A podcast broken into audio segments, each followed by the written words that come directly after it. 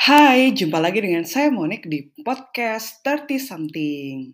Di podcast ini saya akan membahas mengenai banyak hal, uh, mulai dari yang ringan sampai yang berat, mulai dari topik yang bisa dibahas sambil ketawa, atau uh, topik yang harus dibahas sambil minum kopi. Dan tentunya semua topik yang akan saya bahas di podcast ini akan menggunakan kacamata seorang perempuan yang berumur 30-an. Selamat mendengarkan.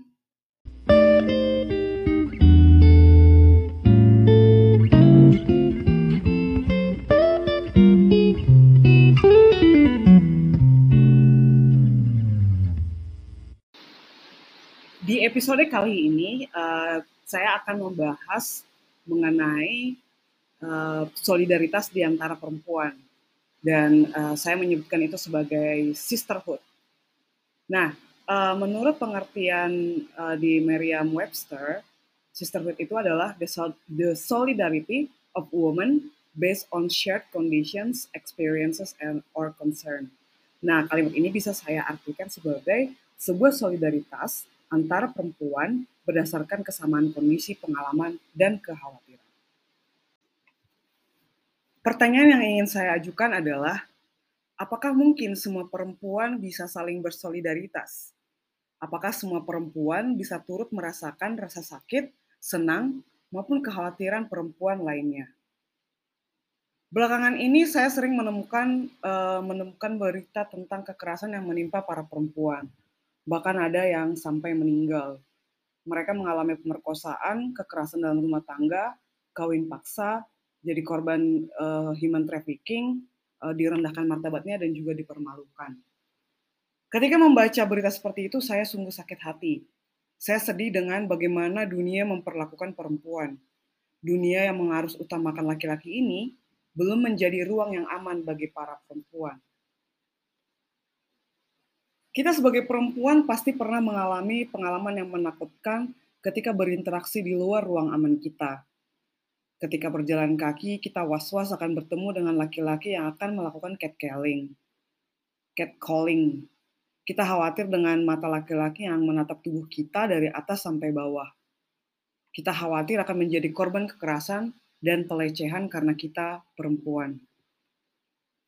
Nah, eh, teman-teman, kalau misalnya saat ini kalian merasa berada di lingkungan yang aman, yang ramah terhadap perempuan, ya kalian termasuk makhluk yang beruntung karena masih banyak perempuan di luar sana yang selalu deg-degan setiap kali ingin melangkahkan kaki keluar dari rumah mereka. Baru-baru ini saya juga membaca berita tentang seorang guru besar di salah satu universitas top di Indonesia yang diduga melakukan pelecehan seksual terhadap kolega dan juga mahasiswa perempuan yang pernah berurusan dengannya. Sebenarnya ketika berita ini muncul, saya uh, bertanya-tanya sih. Uh, pertanyaan saya juga adalah, sudah berapa lama sih praktik itu berlangsung? Apakah uh, ada satu atau dua orang yang melaporkannya atau mengingatkan pelaku tentang kelakuannya yang bobrok?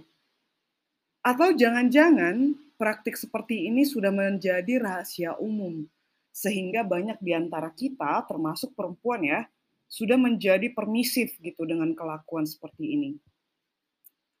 Tapi saya saya bisa merasakan sih bagaimana berada di antara di antara situasi ini.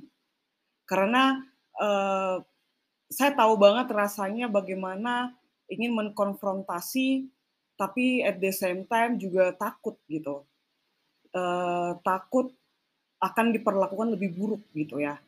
Dan kita perempuan ya mengerti banget lah gitu situasi itu kita tidak bisa melindungi diri kita, kita eh, apa ya dipandang lemah gitu. Jadi hal ini yang membuat para predator-predator seksual yang ada di sekitar kita itu merasa punya kuasa gitu atas diri perempuan dan punya kuasa uh, untuk melakukan apa pun yang mereka inginkan terhadap perempuan terhadap tubuh perempuan.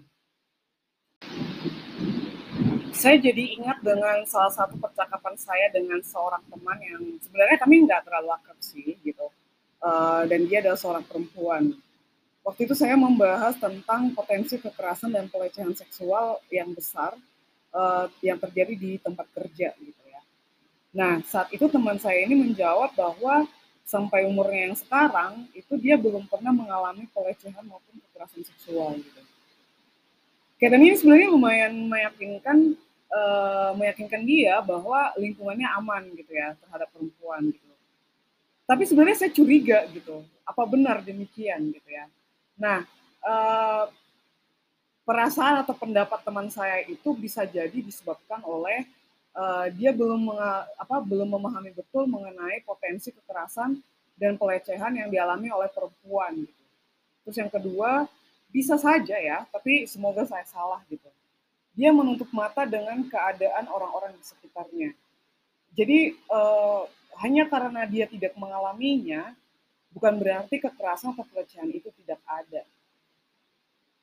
Saya jadi ingat sebenarnya kondisi inilah yang menyebabkan kita sebagai sesama perempuan itu sulit untuk bersolidaritas.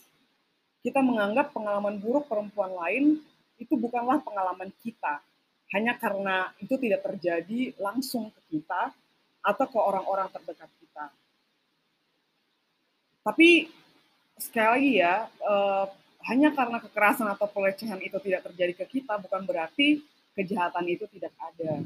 Dan uh, yang saya pikirkan hingga saat ini adalah kita perempuan itu selalu memiliki potensi uh, untuk menjadi korban kekerasan maupun pelecehan justru karena kita itu perempuan gitu. Jadi sebenarnya ketika mendengar atau membaca berita mengenai uh, perempuan yang menjadi korban kekerasan atau korban pelecehan atau korban pemerkosaan, sebenarnya di waktu yang sama itu saya diingatkan bahwa oh Monik you can be like her gitu at some point gitu. Bahwa aku bisa aku bisa saja gitu. Maksudnya hal yang menimpa uh, perempuan itu juga bisa menimpa saya gitu. Bukan karena bukan karena uh, apa ya saya jauh kemudian saya jadi aman atau saya membentengi diri kemudian saya aman 100% itu enggak gitu. Jadi kejahatan, eh, kekerasan dan potensi pelecehan seksual itu terhadap perempuan di mana pun kita berada, eh, bahkan yang kita anggap tempat yang paling aman sekalipun itu punya potensi eh, yang ya ya bisa besar gitu ya, bisa mungkin potensinya sedikit tapi selalu ada gitu loh untuk membuat kita menjadikan kita berada pada posisi sebagai korban. Menurut data yang dirilis oleh UN Women tahun 2021 lalu, eh, hanya satu dari 10 perempuan yang melaporkan kekerasan yang ia alami kepada pihak otoritas. Eh, terus apa yang harus kita lakukan ya sebagai sesama perempuan supaya kita bisa bersolidaritas terhadap perempuan lain yang menghadapi pengalaman berbeda dan yang menyakitkan. Jadi mungkin hal pertama yang uh, saya sarankan adalah ketika kita bertemu, ketika kita tahu, ketika kita mendengarkan cerita tentang uh, uh, perempuan atau mungkin bukan teman kita ya, atau bahkan jauh gitu dari uh, posisi kita saat ini, yang pertama adalah kita harus percaya dan mendengarkan cerita mereka. Gitu. Perempuan yang mengalami kekerasan maupun pelecehan itu tidak akan pernah dengan mudah menciptakan kembali pengalaman yang mereka lalui. Butuh waktu dan energi ekstra untuk benar-benar melakukannya. Oleh karena itu, sebaiknya kita memberikan ruang kepada mereka dan meyakinkan bahwa apa pun yang mereka eh, ceritakan itu kita percaya. Gitu. Kita percaya dan kita mendengarkan. Terus uh, yang kedua, tanyakan bagaimana kita bisa membantu mereka. Kita tidak tahu persis bagaimana perasaan mereka dan bagaimana mereka melalui hari-hari dengan pengalaman traumatis itu. Oleh karena itu, instead of menawarkan solusi, minta mereka memberitahu kita bagaimana sebaiknya kita menolong. Alangkah baiknya apabila kita bisa menjadi orang yang mereka percayai, menganggap kita uh, sebagai teman alih-alih sebagai penyelamat. Yang ketiga, let them in charge Mengingat mereka telah melalui pengalaman yang menyakitkan, biarkan mereka memimpin bagaimana kita bisa membantu mereka. Uh, kadang memang saya pikir uh, kita uh, selalu punya urge, selalu punya dorongan untuk menyelamatkan atau menolong gitu ya. Itu itu menurutku hal yang baik gitu. Tapi untuk kasus ini uh, menurut saya sih sebaiknya kita tidak dalam posisi tidak kita tidak menempatkan diri kita sebagai superhero yang akan menyelamatkan mereka gitu karena uh, untuk kasus seperti ini, uh, menurut pendapat saya, itu mereka mereka yang tahu sebenarnya apa yang ingin mereka lakukan gitu. Mereka hanya tidak berani, uh, mereka hanya tidak didukung gitu ya, dan mereka hanya tidak dipercayai gitu. Nah jadi biarkan mereka yang memimpin, biarkan mereka yang ngasih tahu bagaimana kita bisa membantu mereka. Terus yang keempat adalah buat rencana untuk menyelesaikan masalah dan menyediakan semua source yang mereka butuhkan selama menjalani proses ini gitu. Jadi uh, solidaritas kita sebagai sesama perempuan itu bisa kita lakukan gitu ya uh, melalui hal-hal yang saya sebutkan tadi. Terus uh, saya sebenarnya sudah dari dulu ya, itu saya sudah membayangkan bahwa saya bermimpi gitu, saya punya mimpi dan saya bisa membayangkan bahwa dunia yang kita huni saat ini itu bisa menjadi dunia yang jauh lebih baik ketika sesama perempuan itu bersolidaritas gitu, ketika sesama perempuan itu saling mendukung, ketika sesama perempuan itu saling mengangkat, ketika sesama perempuan itu uh, mensupport uh, mimpi perjalanan pencapaian perempuan-perempuan lainnya gitu. Dan uh, mungkin kita masih jauh ya dari mimpi ini gitu loh, masih jalan kita masih panjang dan apa ya? Tapi tidak mustahil kan gitu. Dan kita bisa memulainya dengan melakukan langkah-langkah kecil gitu ya dalam kehidupan kita sehari-hari, dalam relasi berkeluarga, berrelasi eh, uh, profesional maupun bermasyarakat. Nah, saya saya merasa penting banget nih bagi kita sesama perempuan itu untuk saling support gitu. Jadi uh, tidak ada ceritanya kita itu sesama perempuan itu saling membenci gitu. Tidak ada ceritanya kita saling menjatuhkan gitu. Tidak ada ceritanya kita uh, apa ya cemburu obsesif. Maksudnya cemburu obsesif itu udah cemburu terus kayak berniat gitu ya untuk misalnya membenci atau menjatuhkan perempuan-perempuan yang sudah uh, memiliki pencapaian ya misalnya gitu. Dan saya saya punya teori sebenarnya bahwa uh, sudah terlalu lama kita perempuan itu tuh dikondisikan untuk saling membenci gitu. Kita dikondisikan tanpa sadar untuk uh, berjiwa kompetitif gitu loh. Kita menganggap perempuan lain itu adalah saingan kita gitu loh. Perempuan lain uh, adalah lawan kita gitu. Dan sebenarnya ini yang membuat kenapa solidaritas di antara perempuan itu tidak, maksudnya bukan tidak mungkin sih. Uh, semakin jauh gitu ya untuk dijap, dicapai gitu. Dan kalau misalnya kita renungkan kembali gitu ya, serius banget udah kayak khotbah gitu. Um, jauh lebih mudah sebenarnya itu mendukung eh, perempuan yang uh, ingin mencapai mimpinya atau atau perempuan yang sudah uh, melakukan banyak hal atau mencapai banyak hal gitu tuh jauh lebih mudah mensupport mereka ketimbang membenci gitu.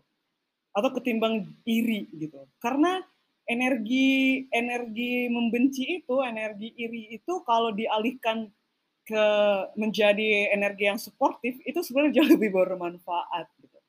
Jadi uh, saya juga sudah merasakan kecenderungan saya gitu ya. Uh, saya sangat mendukung sekali perempuan-perempuan hebat di luar sana yang uh, work uh, their ass off gitu ya untuk mencapai mimpi mereka gitu loh untuk melakukan apa yang ingin mereka lakukan dan memberi impact gitu loh kepada orang-orang di sekitar mereka gitu. Dan dan come on gitu ya. Apalagi kalau misalnya mendengarkan misalnya banyaknya cerita-cerita tentang perempuan yang saling bersaing, saling menjatuhkan untuk memperebutkan laki-laki atau memperebutkan kekasih atau saling iri dengan uh, tetangga sebelah gitu atau perempuan yang kita rasa jauh lebih cantik atau jauh lebih kaya. Itu itu it, apa ya itu wasting your time and wasting your energy gitu. Trust me gitu. Lebih mudah bukan lebih mudah ya maksudnya lebih menyenangkan for your mental health juga sebenarnya untuk mensupport uh, dan mengalihkan dan mengendalikan rasa bersaing itu, rasa membenci itu uh, ketika misalnya kita kita mengalihkannya untuk hal-hal uh, yang pikiran-pikiran jauh lebih positif, misalnya mensupport anak-anak perempuan yang yang lebih muda dari kita untuk bisa menjadi diri mereka, untuk untuk bisa menjadi apa pun yang mereka inginkan, untuk mencapai mimpi-mimpi mereka, dan juga untuk mensupport perempuan-perempuan hebat, perempuan-perempuan perkasa, perempuan-perempuan yang yang kita tahu itu perempuan yang akan berdampak seperti itu. Nah, ide tentang sisterhood yang saya bahas di podcast ini lebih kepada mengingatkan kita perempuan, uh, mari kita support each other gitu. Uh, kita bisa saling mensupport itu dengan menjadi perempuan yang bisa dipercaya dan dapat diandalkan oleh saudari perempuan kita yang lain gitu di mana pun mereka berada. Khususnya bagi uh, saudari perempuan kita yang menjadi korban kekerasan uh, dalam bentuk apa pun ya dan menjadi korban pemerkosaan atau pelecehan gitu.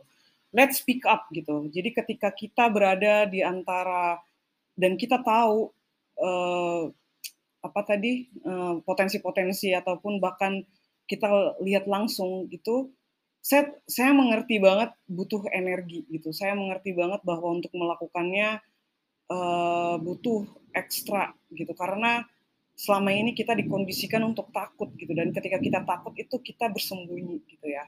Karena kita takut uh, hal yang jauh lebih buruk itu justru terjadi kepada kita yang berbicara gitu ya nah jadi uh, untuk saudari-saudari perempuanku yang saat ini mendengarkan podcast ini thank you ya udah dengerin. Uh, let's raise our voice to end violence against women gitu mari kita lebih lantang lagi untuk berbicara, mari kita lebih uh, fierce, lebih gimana ya, lebih lebih semangat atau lebih garang gitu ya untuk berbicara, untuk mengadres uh, isu-isu tentang kekerasan, isu-isu tentang uh, apa potensi-potensi yang akan bukan hanya bukan hanya mengancam keamanan kita sebagai perempuan, tapi juga uh, generasi perempuan yang akan menggantikan kita, gitu ya.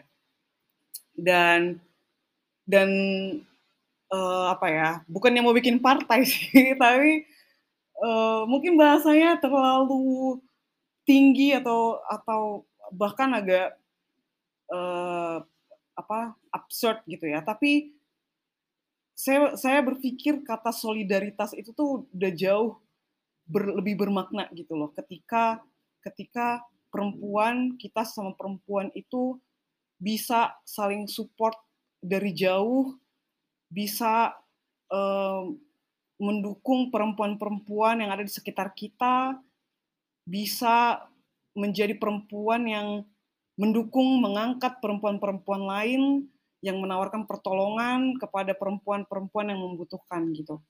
Dan kita bisa mulai itu dari diri kita sendiri dan kita bisa melakukannya melalui langkah-langkah kecil. Eh, kita bisa mulai berbicara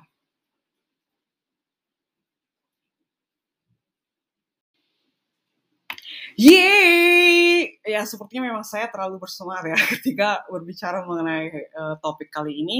Dan terima kasih bagi yang sudah mendengarkan. Sampai jumpa di episode podcast berikutnya.